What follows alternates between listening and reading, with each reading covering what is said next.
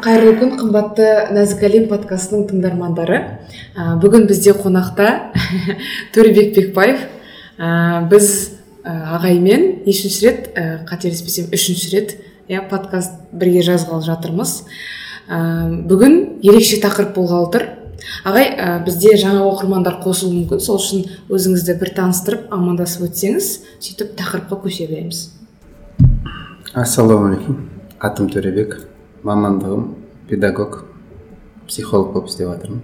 Консультация қабылдаймын семинар жүргіземін. Консультация жүргіземін. Алматыда тұрамын. Болды.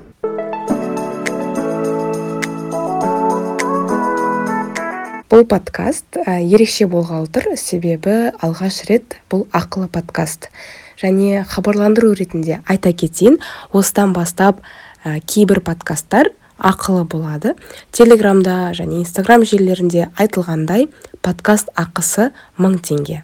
Яғни мың теңгеден бастап кез келген көлемде суммада ә, қаражат сала аласыздар каспи реквизит төменде көрсетілген. Бұл энергия алмасу алғыс айту және жобаны қолдау құралы.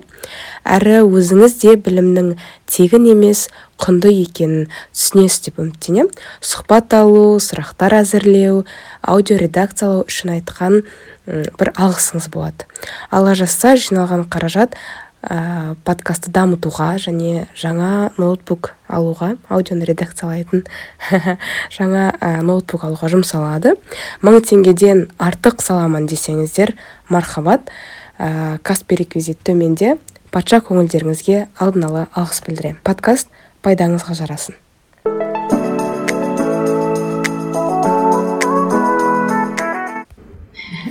Жақсы. Мен ағай сіздің ана жазып қоятын подкастта бар ғой атын жазып қояды. Сол кезде ә, психологтардың психологы деп ә, жазамын да. Ә, себебі енді әртүрлі психологтар болуы мүмкін. Бірақ өзім бір ең бірінші номер один деп есептейтін мойындайтын психологтардың бірісіз сол үшін сізді қайта қайта шақырып жатсақ ренжімеңіз. Сол үшін қайта қайта біз мұқтажбыз сізге сіздің біліміңізге. Ә, енді ә, осы подкастты біз бірінші подкастта құл мен алла тағаланың рөлі және құлдың рөлі деген контекстте болды.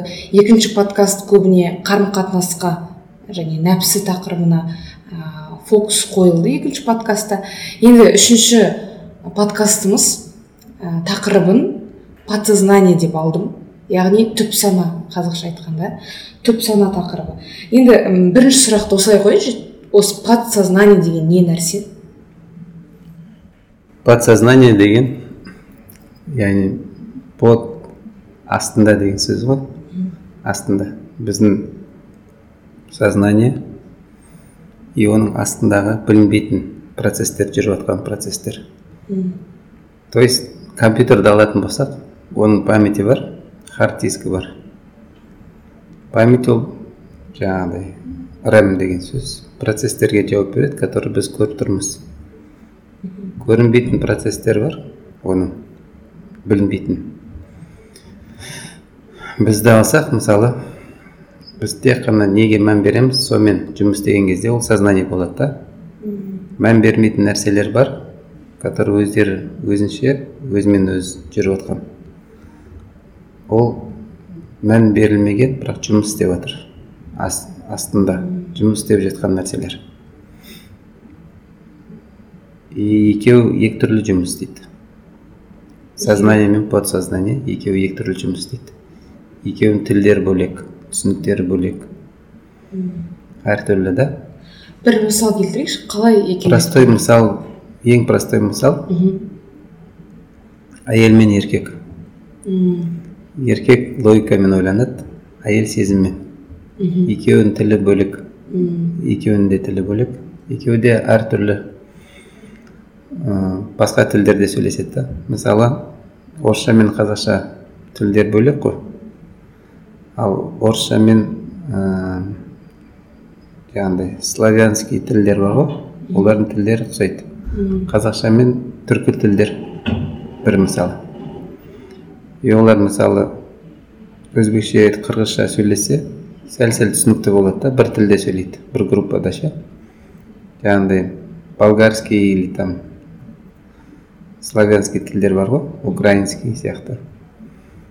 Олар бір біріне ұқсайды бір бірін түсінеді сәл болса да. Сол сияқты бірақ орыс пен қазақ сөйлессе бір бірін түсінбейді. Или бір қырғыз мен орысша сөйлеп жатырмын деп қазақша сөйлессе бұл да орысша деп. Ол да түсінбейді бір бірін екеуі екі тіл деген сөз ғой короче. Былайша айтқанда біреу сознание ол логика подсознание ол образ. Образ. Аха образдар. Ол сезімдер да. И оны былай деп бөлсек болады. Мысалы қалай жұмыс істейтін екеуінің ек- екі жұмысын айтсақ мысалы қалай жұмыс істейтін ше сознание логика логикамен ә, жұмыс істейді да подсознание эмоциямен жұмыс істейді. Логика рассуждать етеді то есть сараптайды. Жақсы анализ жасайды оценка береді да. Подсознание әрекетпен жұмыс істейді амалдармен. Амалмен. Логиканың ә, жақсы жаман деген оценкасы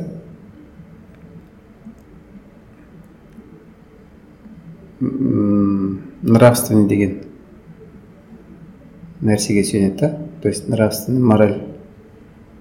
Не дейді ана нравственный безнравственный адамгершілігі адамгершілікке сүйенеді да. Логикаға логика сознание ше ал подсознание адамгершілікке сүйенбейді оған бәрібір подсознание яғни сознание адамның құндылықтарына иә иә мысалы адамгершілік болмауы мүмкін ғой оның құндылығы иә кез құндылыққа мхм.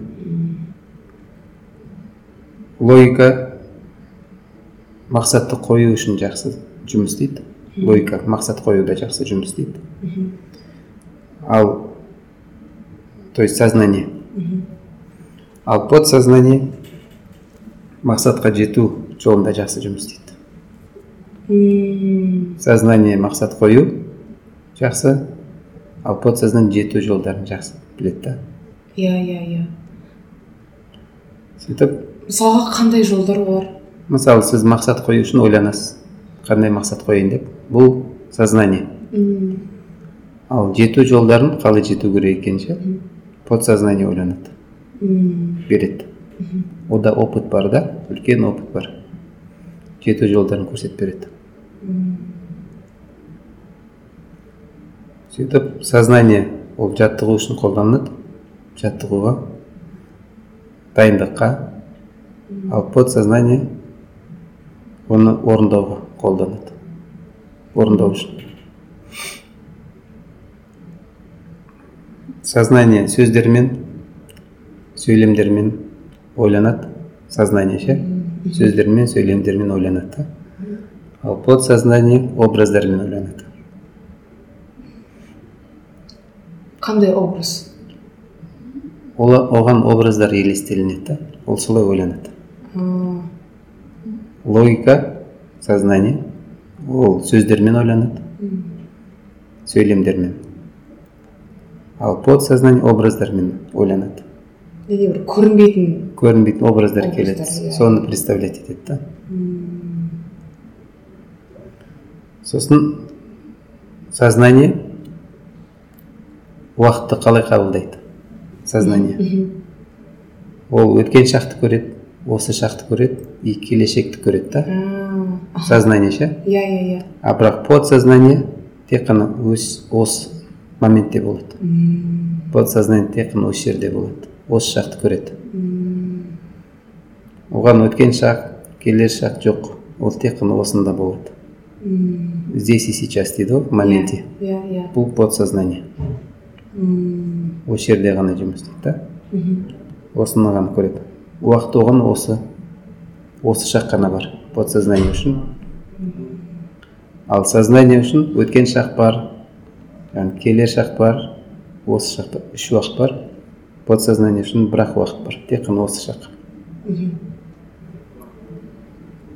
Сонда біз ә, бір шешім шығару керек болса біз сознаниемен шығарамыз иә? Себебі біз саралаймыз ғой өткен шақ. Анализ үшін сознание жақсы жұмыс істейді. Анализ. Иә? Бірақ оған жету мақсатқа жету болса подсознание жұмыс істейді иә иә мхм осылай примерно жақсы ал енді мындай сұрақ қояйыншы ә, подсознание не екенін жалпы түсінікті болған сияқты бұл әм, сезімдер эмоциялар және дәл осы моментте тап қазіргі шақпен ғана жұмыс жасайды ә, сосын бұл образ көрінбейтін бір образ ғана ал сознание болса кәдімгі сөздер. Сознание аха. сөздермен ойланады Сөздермен сөйлемдермен ойланады. сөйлемдер конкретный нәрселермен ойланады да. Аха. Ал осы подсознание сіз жаңа образ деп айтып қалдыңыз ғой көрінбейтін образ иә подсознание. Осы көр аха. Мысалы сіз машине алғыңыз келеді да. Соны елестетесіз. Образ ше М, осы подсознание жұмыс істейді. Соны елестетіп сезіне бастайсыз. Машинеде отырғандай жүргендей. Иә? Осыны елестеткен сайын ол бар сияқты болып қалады да. Подсознание ше сөйтіп бұл подсознание жұмысы. Ал бірақ сознаниеға беретін болсаңыз ол ойланады. Мен қалай машине алуым керек? Пландар құрады да. Не істеуім керек? Оған жету үшін қанша жұмыс істеуім керек? Жолдарын ойланады. Анализ жасайды. Ал бірақ подсознание қазір отырмын дейді машинеде сразу. Иә иә иә. Елестетеді да болды ол алып қойды ол. М, ода уже бар да ол машина. Солай жұмыс істейді. Осы образ бар ғой көрінбейтін образ деп қалдыңыз ғой. Қалай қалыптасады? Негізінде өткен опытпен қалыптасады. Өткен көрген нәрселер бар ғой. Солардың бәрі адамда бүкіл сезімдер қабылдаушы қабылдаушыда қабылдай береді бәрін. Жазылай береді. Миға бәрі жазылай береді. Сезімдер жазыла ма? Бәрі жазылады. Сезімдердің бәрі сигналдар да. Миға келіп жатқан сигналдар мида 100 миллиард нейрон болса 100 миллиард нейрон нейронда М, олардың байланыстары бар ғой. Олардың бәрі бір бірімен байланысты бұлар еще 100 миллиардты 100 миллиард несі бар ғой? Степень. Мгм. сөйтіп осынша байланыс бар. Осынша жол бар. И осының бәрі подсознаниеда тұрады. Осының бәрі. М, бүкіл память диск сияқты да? Бәрі Иә. подсознаниеда тұрады. И өмір бойы осылар жазылған. Бәрі. И поэтому бұның бәрі осы шақта бар. Подсознание үшін осы шақта бәрі бар. Тұр да олар? Иә иә иә. Оған өткен шақ жоқ. М, сөйтіп ол ойланған кезде бәрін бірден ойланады. Ойлана алады. Бәрін бірден елестете алады. Ал сознание болса бір жолмен ғана жүреді. Бір жолмен. Бір жолмен жүреді и ұзақ жүреді. Иә өткен шақпен пайда болады дейсіз ғой иә? Ал осы подсознаниені айтып жатырсыз ғой өткен шақ яғни біздің өткеніміз десек балалық шақтан қалыптасатын болып тұр ғой. Осы подсознаниені өзгерте аламыз ба? Балалық шақтан қалыптасқан подсознаниені. Мхм негізінде подсознаниені өзгертудің қажеті жоқ. Да? Ол данныйлар ғой опыт. Жиналған опыт та. Біз оны қалай қолданамыз сол маңызды. Берілген опыт қалай қолданылады? Ол бір құрал бір қару секілді. Оны не нәрсеге қолданады? Соған байланысты ғой. Мысалы жаңағыдай ғой пышақтың сияқты да. Иә. не нәрсеге қолданады? Не турайды нан турай ма помидор турай ма? Жоқ басқа нәрсе турай ма ол просто құрал енді мұндай сұрақ ә, айтып жатырсыз ғой иә құрал деп. Ә, оны біз өзімізге байланысты опыттар жиналып тұрады подсознаниемізде ә, қалай қолданамыз? Өзімізге байланысты. Бірақ андай бір кітаптар бар ғой. Подсознательная бедность деген сияқты. Мхм. А ол қалай сонда? Яғни адам ол кітаптарда былай жазылады да мысалы адам подсознаниеде кедей яғни түп санасында ол кедей адам. Оны өзгерту керек. Иә. байға өзгерту керек дейді да. Иә мен оны қалай қолданамын иә мен оны қалай қолданамын соған байланысты ғой ол. Аха. Менің мысалы подсознаниеда мен кедейлерді көргем. Мхм. Иә и Иә. оларды егер мен өзіме өлшейтін болсам өзіме өзіме қолданатын болсам иеленетін болсам өзіме алып алған боламын да ол подсознанияда бар. И подсознанияға мен задание беремін сондай болу керек деген. И подсознание соған жұмыс істейді. Кедей болуға ше? Ал осы тапсырманы сіз қай жақтан бересіз? Сознаниедан ба әлде? Жоқ сознание подсознание екеуі екі инструмент просто. А мендегі рух бар ғой. Рух бәрімен управлять етеді да. А сол беріп тұр задание. Оның управлениясында рухтың управлениясында бірнеше механизмдар бар. Иә. Сөйтіп кейбір ә, управление ғой система управления кәдімгідей рухта ождан бар оның жүрегі ол рухтың жүрегі иә ожданда ары қарай жаңағыдай ә, подчиненныйлар бар м, оған подчиненныйлар и олар оған жұмыс істейді сознание деген подсознание деген ожданның подчиненныйлары. Қол астында жұмыс істейтіндер. Сөйтіп ол подсознаниеге тапсырма береді иә? Мысалы Иә. кедейлерді көріп өсті дейік бір бала кішкентай бала. Мхм балалық шағы солармен бірге өсті қа- қарны ашатын кездер көп болды ата анасын қиналған көп көрді дейік. Ә, иә. мысалы оның ә, подсознаниесінде кедейлердің образы өте көп. Иә. И Бай- байдың образын көрмеген. Ол шешуі мүмкін. Мен осындай болам или наоборот осындай болмаймын деп. А осыған сүйенеді да екі жол табады. Таңдайды. Екеуінің біреуін таңдайды. Иә. Бірақ ода бұл данный тұр база данных инструмент болып тұр да. Мен осындай болам и на- или наоборот осындай болмаймын деген задание береді. Сөйтіп соған қарай әрекет етеді. Ол кедей екенін қай жақтан білді. Ода екінші опыт бар. Байларды көрді. Байларды көрген үшін өзіне баға бере алатын болды. Иә кедей иә. болғаны ше аха. Сөйтіп екеуін таңдайды ғой. Қайсы боламын или мынандай или бай или кедей деген ше. Екеуінің де образы бар ода қайсы образды таңдайды? Соған қарай жүреді. Иә иә иә. Енді түсіндім. Ә, күшті күшті машалла жақсы түсіндірілді. Ә, енді мындай сұрақ қояйыншы адам ниет етеді ғой бір іске?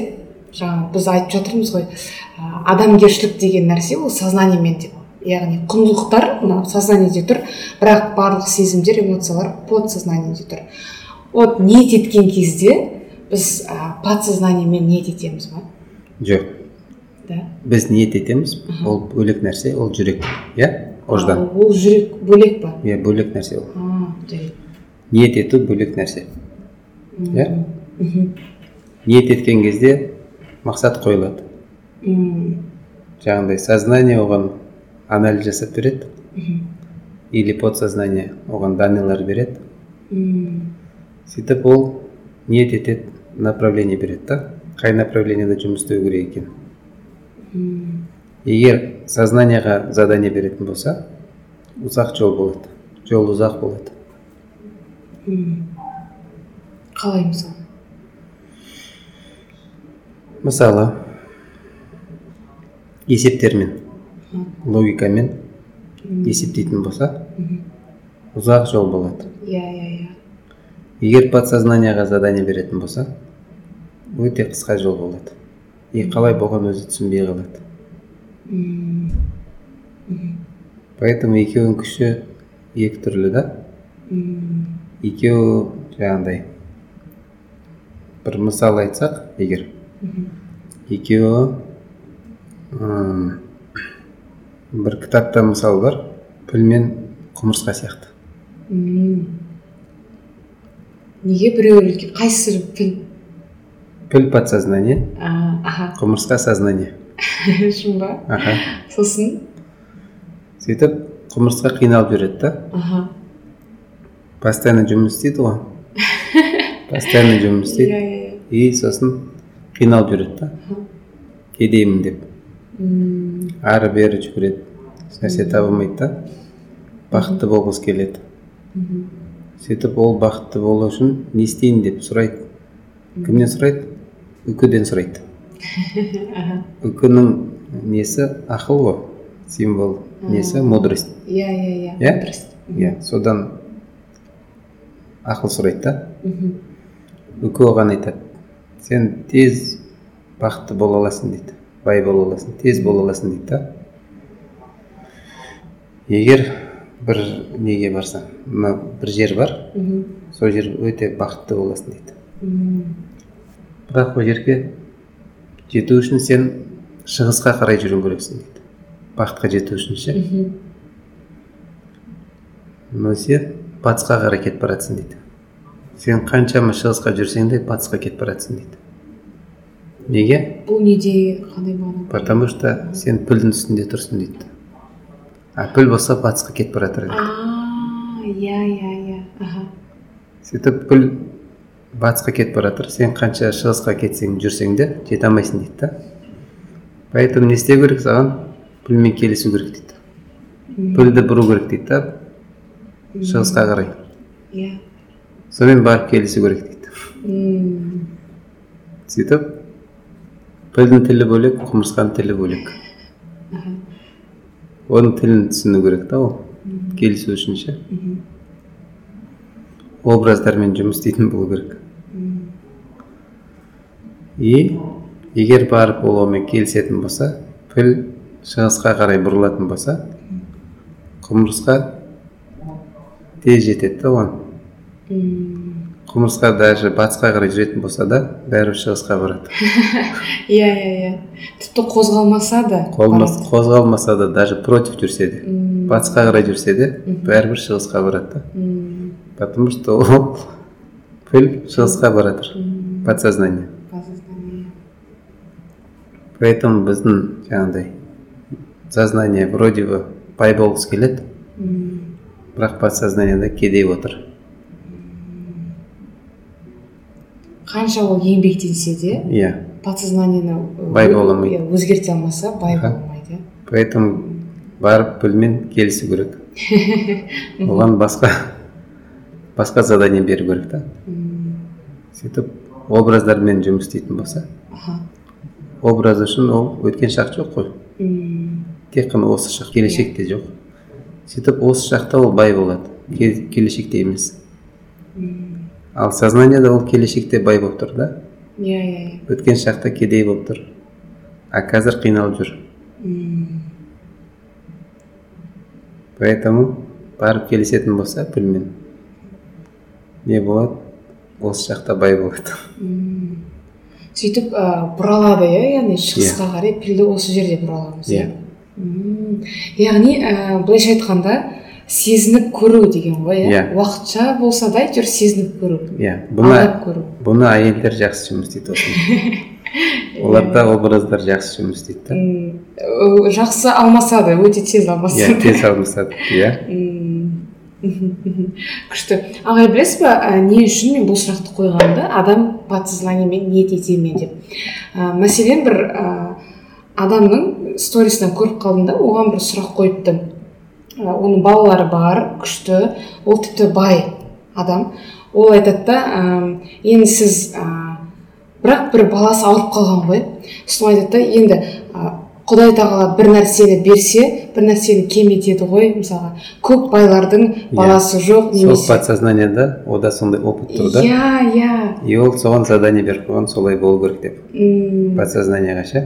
Сол оқырман то есть сұрақ қойып тұрған оқырманда иә? Иә. И сол опыт ода болу керек деген задание бар ода одан шығу үшін одан шығу үшін просто заданиесін ауыстырса то есть басқа опыт бар оның ішінде еще база данных.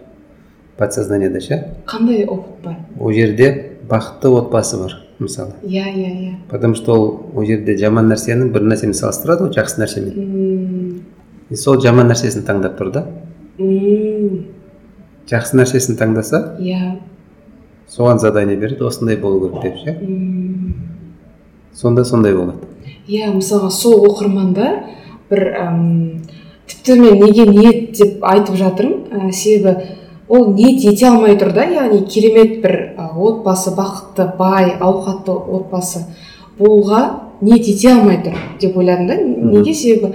Подсозна- подсознаниесінде ә, алла тағала бір нәрсе берсе ешнәрсе бір, бір нәрсені кем береді. Бай, бай адамдардың бір әйтеуір проблемасы бар деген бір бұл жерде мен алланың орнына шешім қабылдап тұрмын да. А иә иә иә. Оны бір заңға байлап тұр- байлап тұрмын. Мынандай болса мынандай болу керек деген. То есть оны шектеп тұрмын. Алла тағала құдіреті шексіз. Жомарттығы шексіз. Жомарттығы шек- шексіз мейірімі шексіз. Любой нәрсені бере алады. Бізде екі дүниеде де бақыт сұра дейді. Иә иә. То есть не дейді құранда? Осы дүниеде де ақыретте де жақсылық бер дейді. Жақсылықтың ең жақсысы түрі қайсысы? Біз біле алмаймыз ғой. Алла тағала берген кезде ең жақсысын береді всегда біз болса оны шектейміз ол жақсылық берсе значит жаманшылық беру керек деген. Иә. Ал ол айтады екеуінде де жақсылық бер дейді. Иә. Сөйтіп сұраңдар дейді. Иә? И бізге сол дұғаны үйретеді. Дуния хасана фил ахирати хасана то есть наоборот азаптан бізді құтқар деп азап берме дейді да. А біз болса ол беру керек деп ойлаймыз. Иә еще сұрап аламыз берсе ол заңдылыққа кіргізіп қойғанбыз еще. Обязательно болу керек деген азапты ше? А ол жерде ол ясно айтып тұр что ол құтқар деп тұр. Азаптан құтқар деп тұр да. Поэтому иә. Түсінікті. Біз шектемеуіміз керек. Енді қарашы осы жерде мындай бір проблема деп айтсам екен. Сондай байқалынады. Адамдардың сознаниесі озып кеткен секілді. Подсознаниесінде ешнәрсе жоқ. Немесе подсознаниесі бір мұқтаж әлсіз күйде ал сознаниесі ә, керемет дамып кеткен. Андай адамдар ақылмен біз шектейміз ғой. Алла тағаланы мысалға жаңағы оқырманның да ә, мәселесі ақылмен шектеп тұр алла тағаланың мейірімін. Яғни біз нелогично да жаңағыдай м, бәрін бере беру біртүрлі сияқты да короче алла тағаланың барлық нығметті қайта қайта беруі сознаниемізге біртүрлі болып тұр. Мхм. бірақ негізі подсознаниеміз сенгісі келеді иә. Осы подсознаниедегі байлықты қалай дамытуға болады? Сол бір мұқтаждықтан кедейліктен подсознаниедегі қалай арылтып тастауға болады? Мхм. оның ішінде жаңа айттым ғой опыт бар тәжірибесі бар ғой негізі данныйлар бар. Иә? И біз оны жаңағыдай сознание деген сана ма иә сана подсознание деген түп сана ма түп сана аха. Түп санада бәрі бар бүкіл данныйлар бар.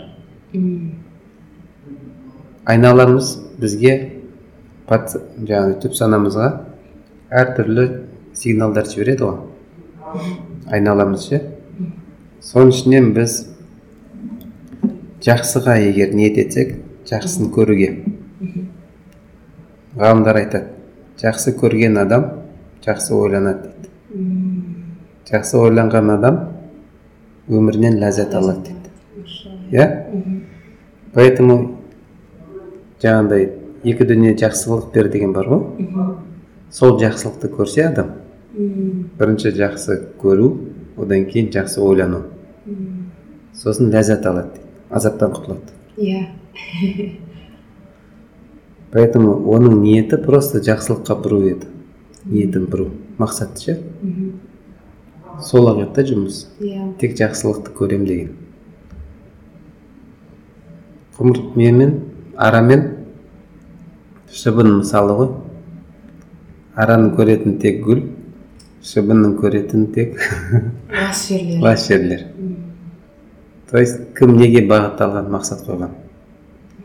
Поэтому адам ниеті амалынан қайырлы дейді ғой. Адам ниеті құтқарады. Ниетін дұрыстаса болды да. Не нәрсе көргісі келеді. аралар гүлге қонады да сосын бал шығарады ғой. Иә. М, ал ә, шыбындар лас жерге қойып лас нәрсе. Мхм. Хаятынан жаңағы өмірінен ләззат алады деген нәрсе сол бал шығаруға келеді иә. Яғни өзінен жақсы бір нәрсе? Ол жақсылық көрген сайын не істейді? Шүкіршілік жасайды. Жақсылық көрген сайын жақсы ойланған сайын шүкіршілік жасайтын дейді ал шүкір етсеңдер көбейтемін дейді арттырамын дейді. Арта береді да. Сол үшін көбірек жақсылық көру керек иә? Ниет, ниет тек қана жақсылық көруде болса иә тек қана ниет бұл жерде рөл ойнайды. Тек жақсылықты көрем десе болды. Задание береді да ол. Түпкі санасына санасына тек жақсылыққа задание береді тапсырма береді. Болды олар инструмент робот просто істей береді жұмыс істей береді. Да? Олар Иә. түсінбейді есептемейді иә? Иә олар оны түсінбейді олар просто инструмент. Оларға бәрібір олар үшін санау үшін ше? Біздің санау үшін бәрі сырье ғой бәрі сигнал. Оның жақсы жаман деген градациясы то есть оларға жоқ ондай жақсы жаман деген. Ауыр жеңіл деген. Оларға ондай нәрсе жоқ. Иә? Ал осы подсознание бар ғой ауыр жеңіл деген нәрсе жоқ деп айтып жатырсыз ғой. Осы дүние қанша жастан бастап қалыптасуы мүмкін?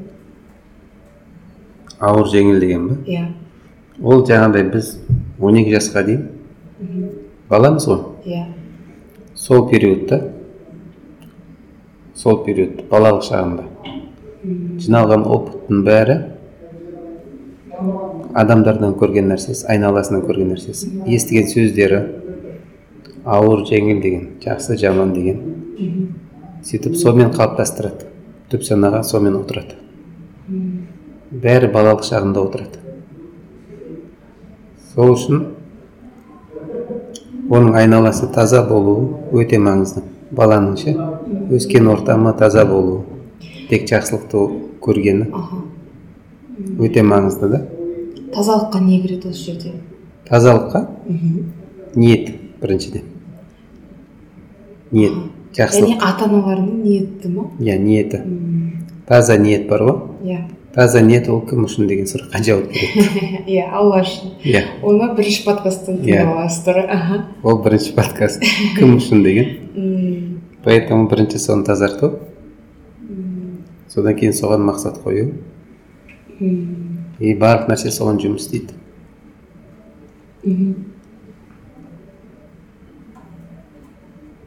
Ниет жатады сонда тазалыққа сосын? Ниет бәрін тазартады. А жарайды. Машалла жақсы. Енді сіз айт- айтып жатырсыз ғой сонда он екі жасқа дейін ә, бәрі түп сана сонда қалыптасып болады иә? Мхм ал қай жастан бастау алады? Және қай жаста бекиді?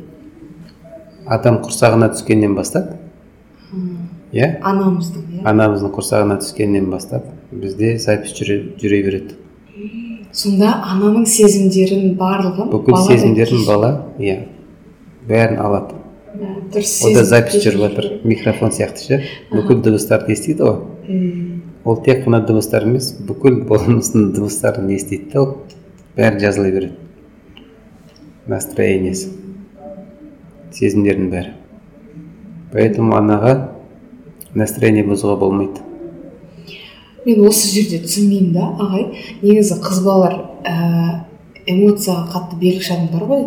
Мысалы бір күнде біз барлық эмоцияны кешіп шыға аламыз. Иә бір жарым сағат сайын ауысады эмоциялар ше? Иә иә иә. Потокта болады да? Иә. Сөйтіп олар полноценный негізінде тек сезімдермен өмір сүреді әйелдер ше? М, олар полноценный өмір сүреді. Полный. М, барлық нәрсені. Жаңағыдай подсознание сияқты. Осы шақта өмір сүреді. Әйелдер. Ал неге осындай ә, сондай бір нәзік жаратылысқа? яғни тіпті эмоциясын басқара алмайтын иә басқару емес қой. логика берілген жаңағы ер кісілер ше басқарады. А, олар шешім қабылдай алады да. М, екеу екі инструмент сияқты бір адамның екі инструмент сияқты. Женская мужская часть бар ғой. Иә иә. Сол сияқты. Әйелдер бұған, бұған жақсы мысал негізінде подсознанияға.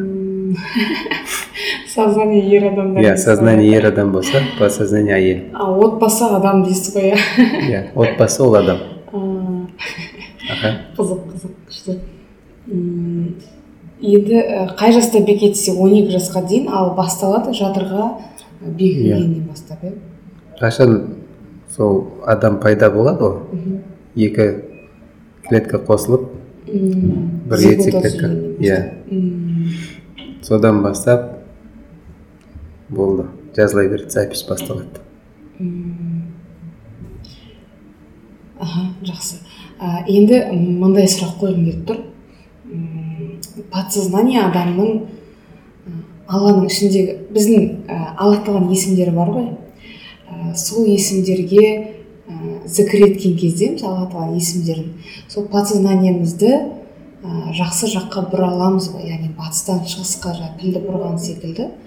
Ә, зікір еткен кезде ме? Конечно көмектеседі. Зікір еткен кезде алланы еске алған кезде ше? Ол алламен байланыста болады. Алламен байланыста болады соған өзін аллаға тапсыра алады. Адам. Иә жақын болған үшін зікірде болған кезде жақын болған үшін соған сол потокқа кіре алады да өзін соған тапсыра алады. Полный. Жаңағыдай құмырсқа уже бас ауыртпайды да? Иә? Просто жата берсең де болады. Піл жұмысын істейді оның негізінде. Ол просто рахат келісіп алған да М. сол потокқа кіріп кеткен. Потокта жүре береді. Поэтому жүректер қашан тыныштық табады алланы еске алғанда. Тыныштық табады. Күшті жауап. Ә, бұл сұрақтағы қойған себебім әм, мысалы бірде былай көрінеді кейбір адамдарда бәлкім ә, менде де болуы мүмкін да. Ә, алла тағаланың ә, мейіріміне толық сенім арту ә, мүмкін емес деп көрінеді да. Иә яғни мү- мүмкін шығар кейбір адамдар бәлкім толығымен сенеді. Ә, қай жерде сүрініп қалу мүмкін екен деп ойлап жүремін да. Мысалға барлық керемет болып жатқан сайын. Бұл ә, кейін ойлап ә, қарасам бұл мейіріміне шектеу қою. Ә, алла Иә. мені қатты сүймеуі мүмкін қашан Иә. мені бір ұрып қалады екен деген сияқты бір күтіп Иә. жүрген болуы мүмкін да. Ә, осы сұрақтың шешімін сұрадым бір ә, ағамыздан. Ә, қалай мен бұны мейірімін шектемей шектемесем болады деп. Ол айтты да аллах тағаланың есімдерін зікір еткенде ә, енді осы жерде подсознаниені енді жақсы жаққа батыстан шығысқа жаңағыдай өзгерту мақсатында аллах тағаланың қандай есімдерін зікір етуге кеңес бересіз? Оның бүкіл есімдері? Иә бүкіл есімдері. Иә шектемейді тоже. Нәрсені таңдамай ше? М, зікір етсе болады ғой. Бірақ ол зікір ету ерекше ол бөлек құлшылық ол. Тек қана алла үшін жасалатын нәрсе. Бір мақсатқа жету үшін емес. Подсознаниені өзгерту үшін емес. Өзгерту үшін емес иә. То есть біз оның жұмысымен әлек болып жатырмыз. Ол мен жұмысым өзі өзгертеді. Иә мен жұмысым емес ол өзгерту ше иә иә. Мен жұмысым тек қана құлшылық еді. Мен бірақ басқа нәрседен әлек болып кеткенмін. Иә мен жұмысым просто по инструкции өмір сүру еді ал жаңағыдай өзгерту сұрақпен болады сұрақ қойған кезде сіз басында не дедіңіз нені өзгерту бір сананы түп, түп сананы өзгерту керек та алла тағала әркез мейірім бере бере ме шынымен деген сияқты бір сұрақ Сол- сол ойды өзгерту иә сол ойды өзгерту негізінде ол ойды қабылдамау. Сұрақ қоюмен болады да ол ой қайдан келді? Қай ой? Сол ой ше алланы ә, мейірімсіз деп санау. Мейірім деп санаймын? И о- одан бір не келеді? Жаңағыдай. Бір қорқыныш келеді деп ше? Иә иә иә. То есть бір не күтіп жатырмыз негатив. Иә. Соны өзгерту сұрақпен болады.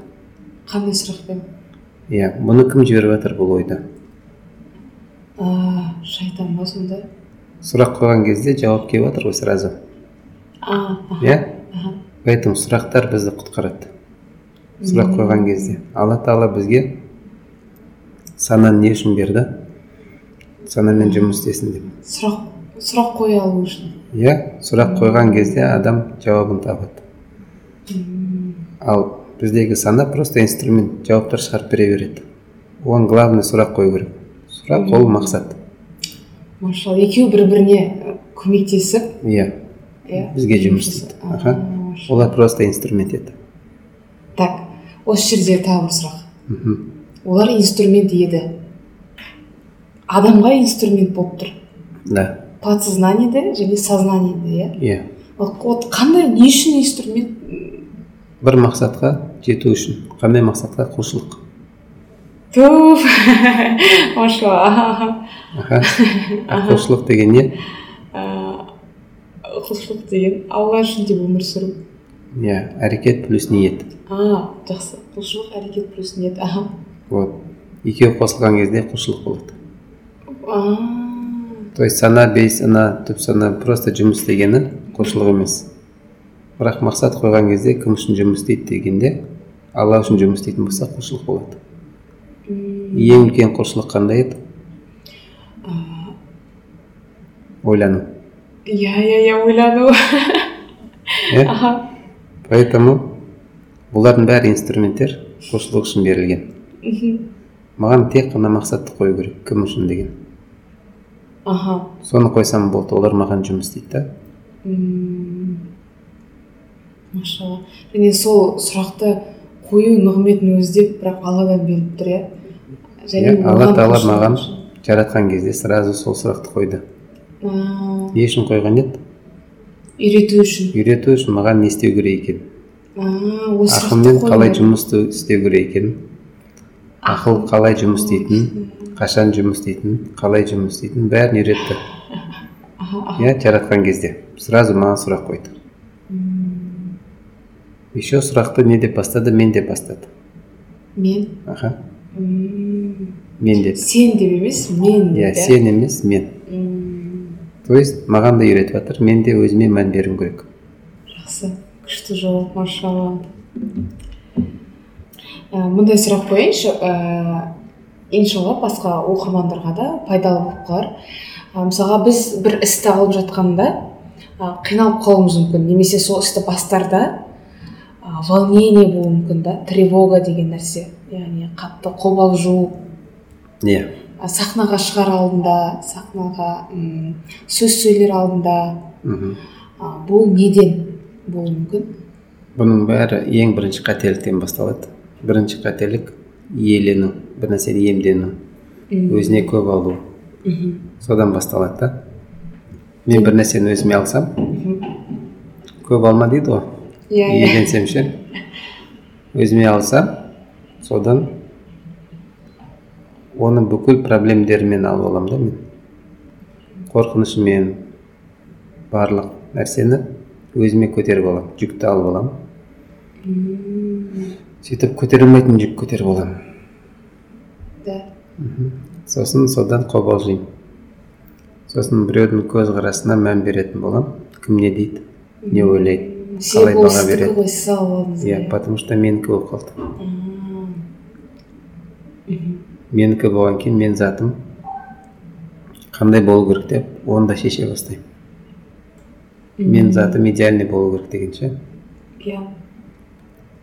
Сөйтіп оның затын алланың затын мен өзіме алып алып иеленіп қожайындық жасаймын. Проблеманың бәрін көтеріп аламын. Егер оны қайтарып берсем қобалжымаймын уайымдамаймын ренжимін қорықпаймын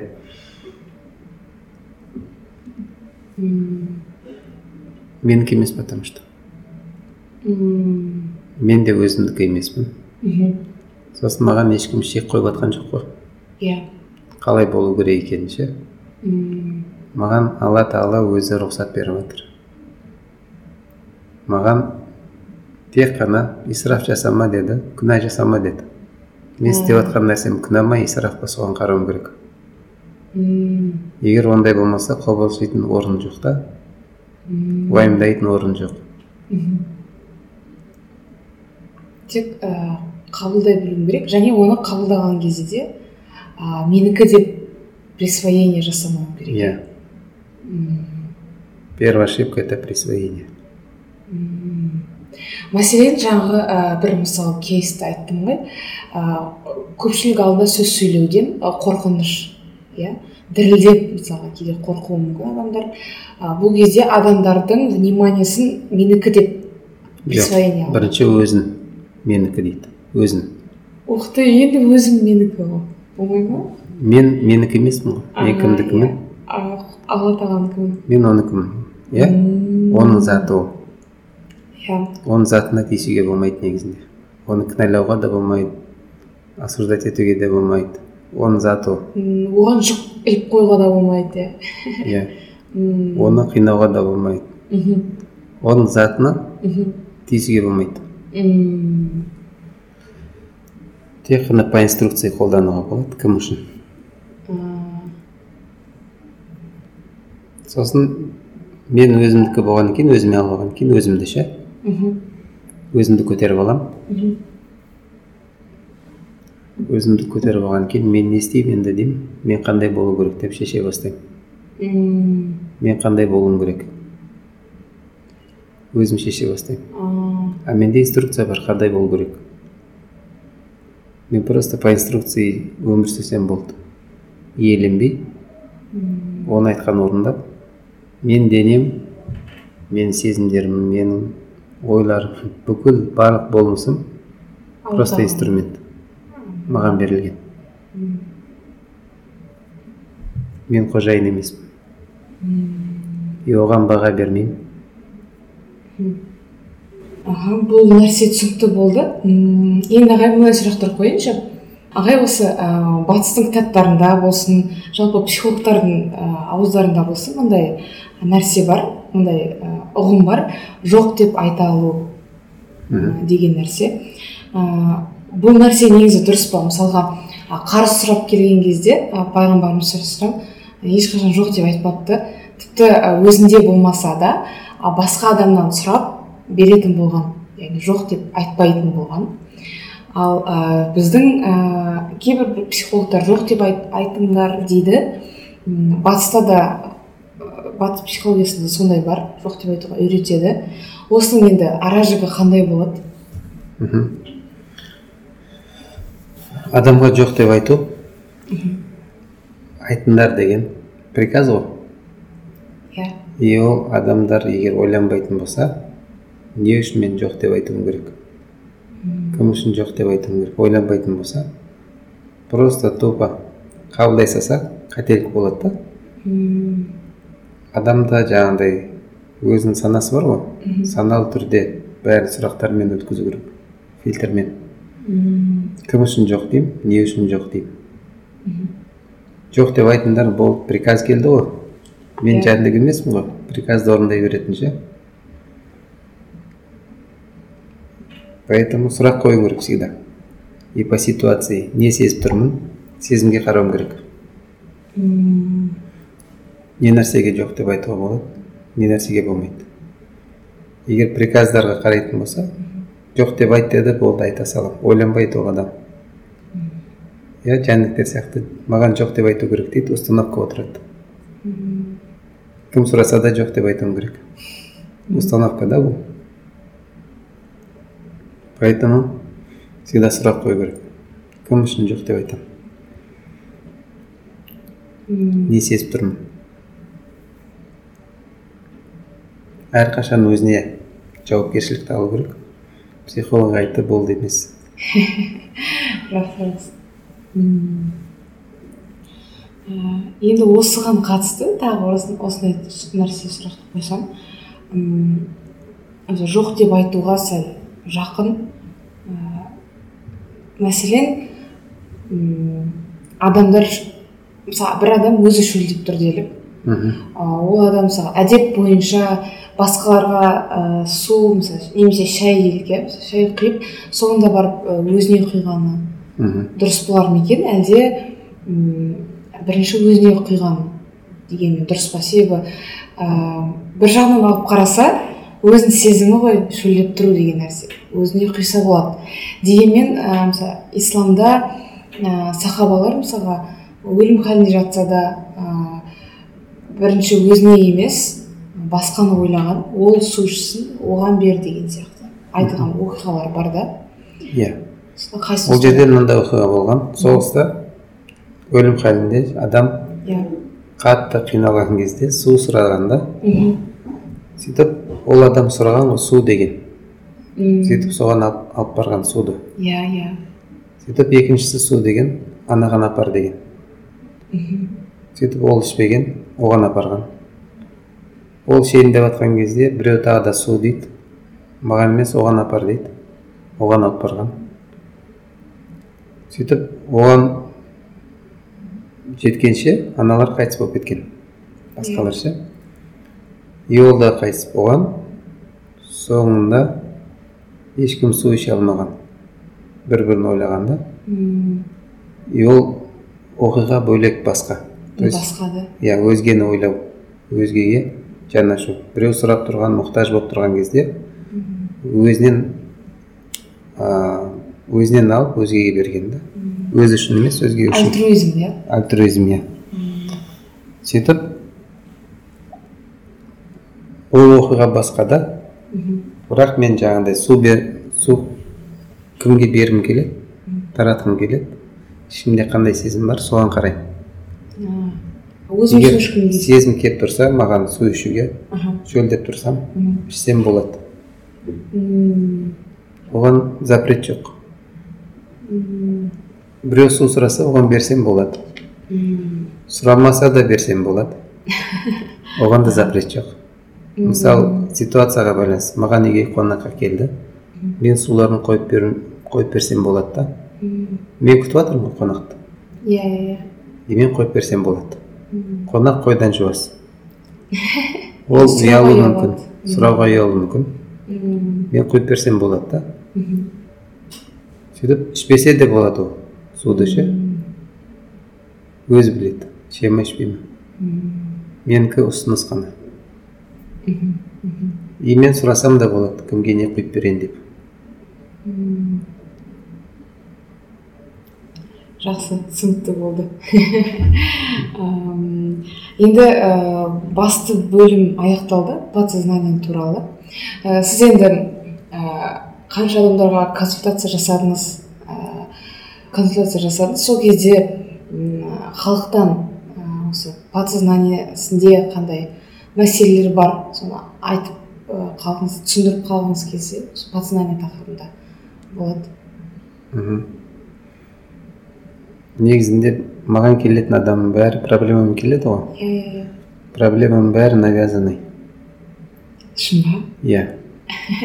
Навязанный дегенде? Навязанный халық. То есть ортада проблема бар деп соны үйренген да сол проблема деп. Сол проблема деп қарайды. Сөйтіп соны шешу үшін жүреді. Сол проблеманы көтеріп алады да сонымен әлек болады.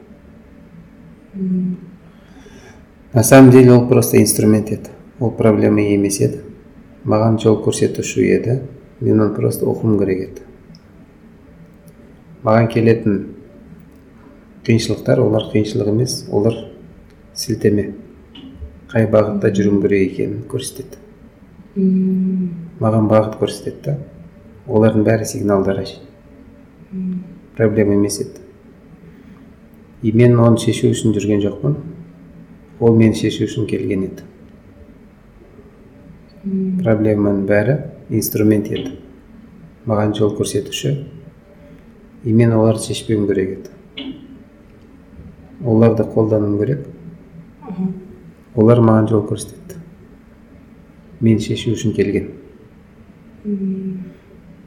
Мысалы адам келеді көп қарызым бар дейді. Иә? Қарызым бар постоянно қарызға кіре беремін. Бұл нәрсе маған не көрсетеді? Что мен постоянно өзіме установка беріп қойғанмын. Қарызда жүруім керек қарызда болуым керек. Бұл нәрсе маған бір пайда алып келеді. Қандай? Басқа выгода бар. Может быть варианттар көп оның адамдар маған тиіспесін менен қарыз сұрамасын. Мысалы да? Содан бастап и внимание алу өзіне внимание тарту чтобы внимание менде болсын жетпеген вниманиені алу үшін. Мен өзімді не істеймін аянышты қылып көрсетемін маған жан ашу керек адамдардың.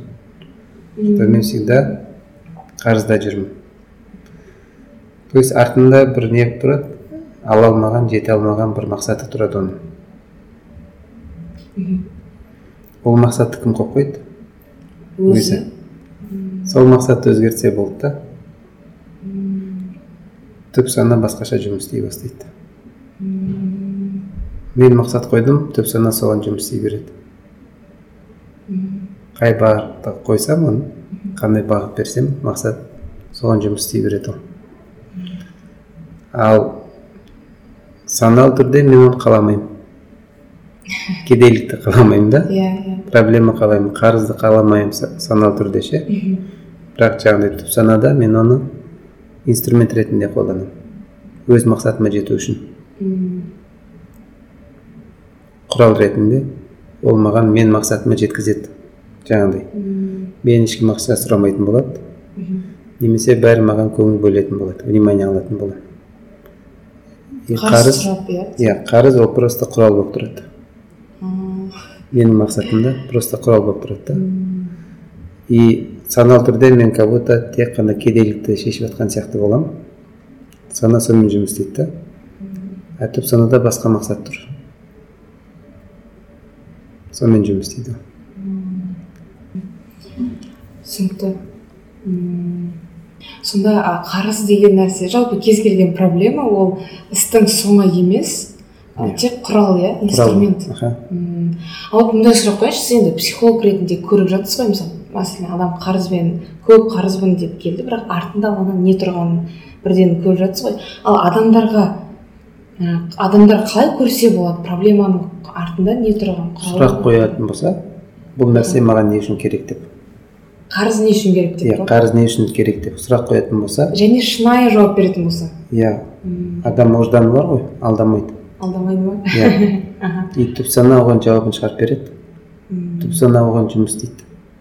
Оған бәрібір ол ешнәрсе жасырмайды. Құпия емес. Сұрақ қойса болды тани бере береді. Иә сұрақ қою. Иә. маңызды болған тек қана сұрақ қою. Бұл нәрсе маған не үшін керек?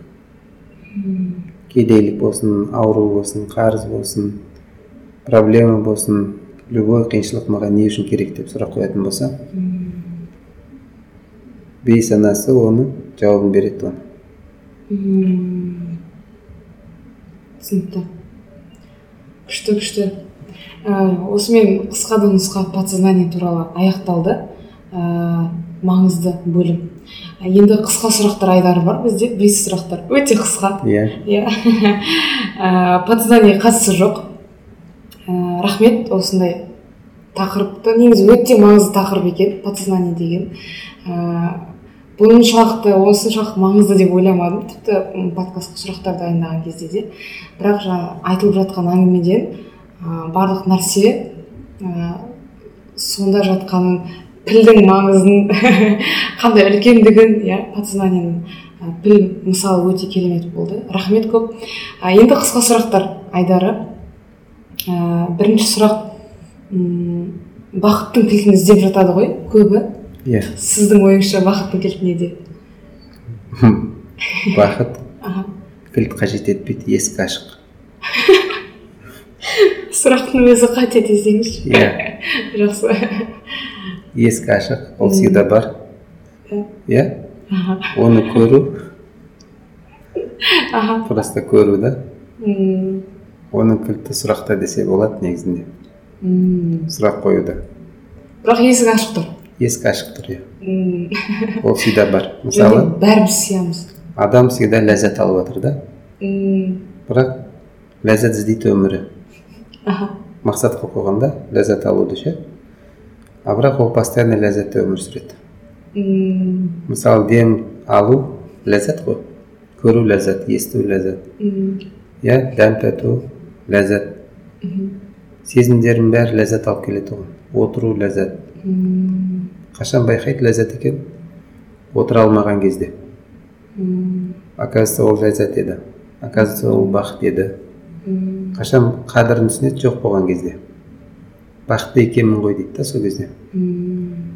Мысалы балалық шағында қазір ойлайды бақытты екенмін ғой сол кезде дейді да. Балалық шағында наоборот қашан үлкен боламын дейтін еді. Иә иә иә. И оказывается ол всегда өмір бойы тек қана бақытта өмір сүріп жатыр да. Просто көре алмайды оны. Неге? Мақсаты бөлек болып тұр күшті күшті. Мынаны цитата қылып жазып қою керек иншалла бақыттың кілтінде бақыттың кілті жоқ. Есік ашық деген күшті кетті. Екінші сұрақ топ үш қорқынышыңыз.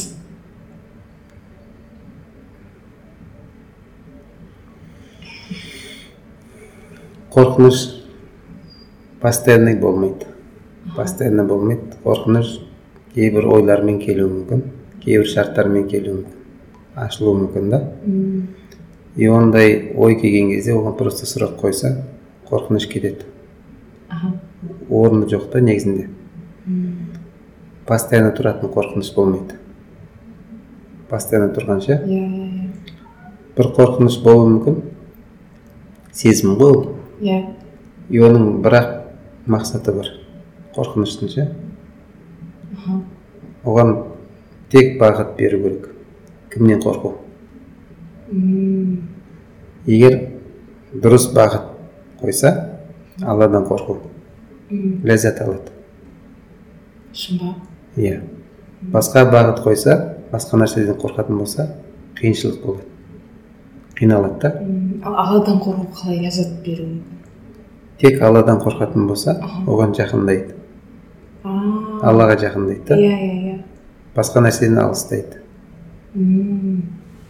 Аллаға жақын адам ол әркез бақытты иә?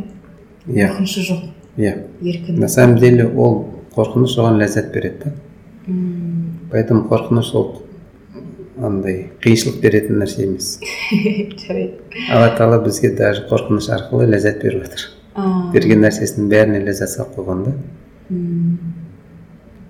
И бізді оның ішінде де бақыт бақытты қылып қойған қорқыныштың ішінде де.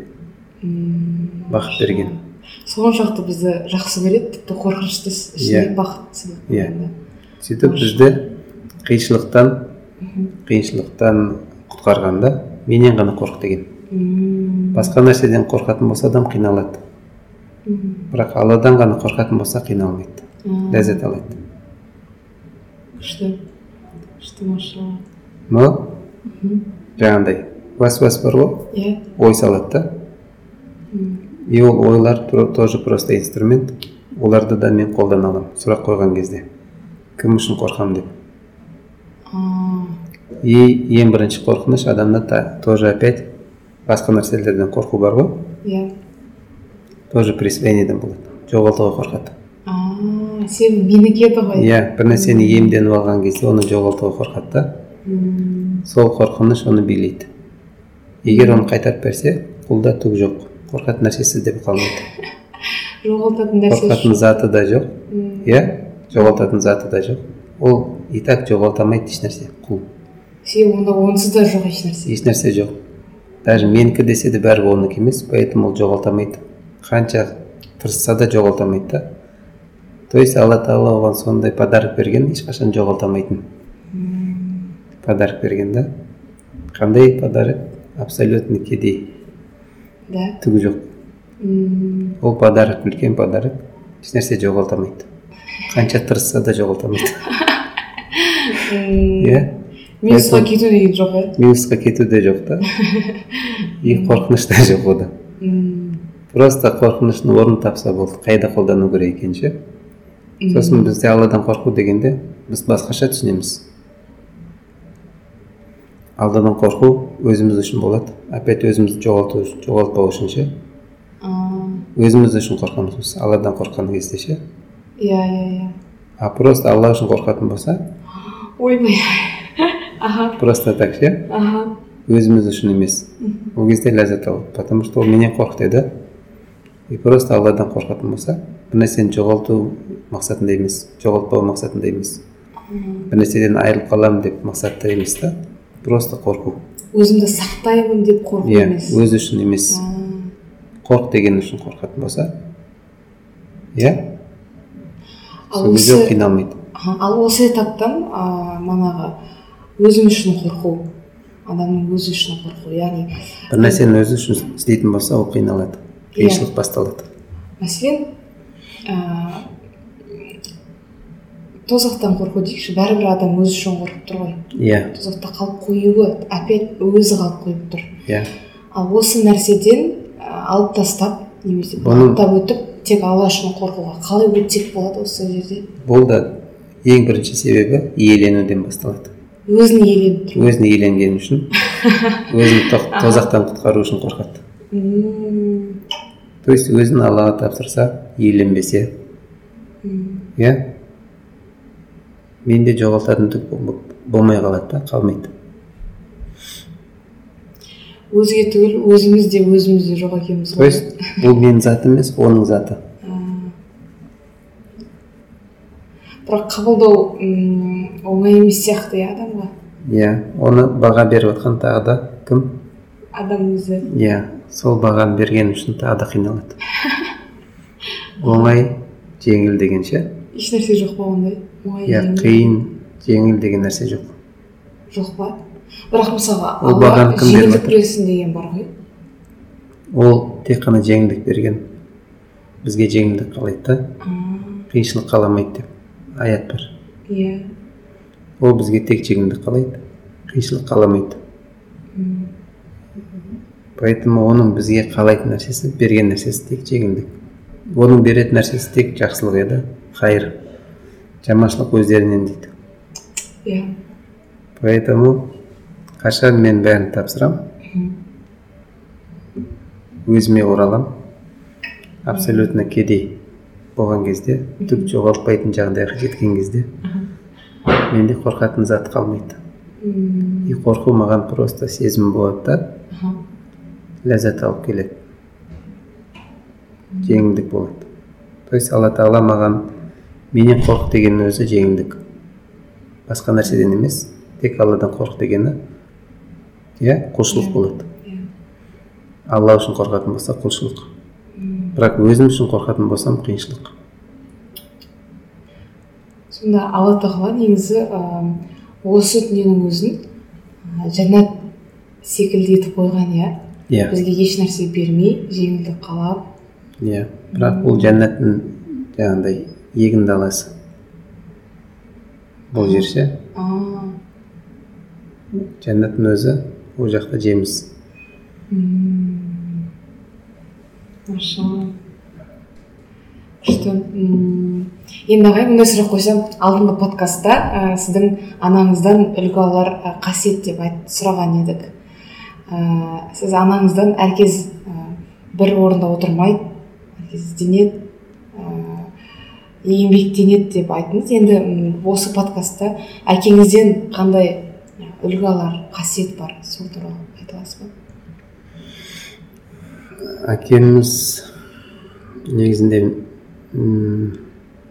мен оныншы баламын. Машалла. Иә. Күшті. Оның қартайған шағын көргем. Жастық шағын көрмегем да то есть қартайғанда. Ода не болған? Уже мудрость көргем да даналығын көргем то есть оның көп андай ә, дұрыс шешім қабылдағандарын даналықпен шешкендерін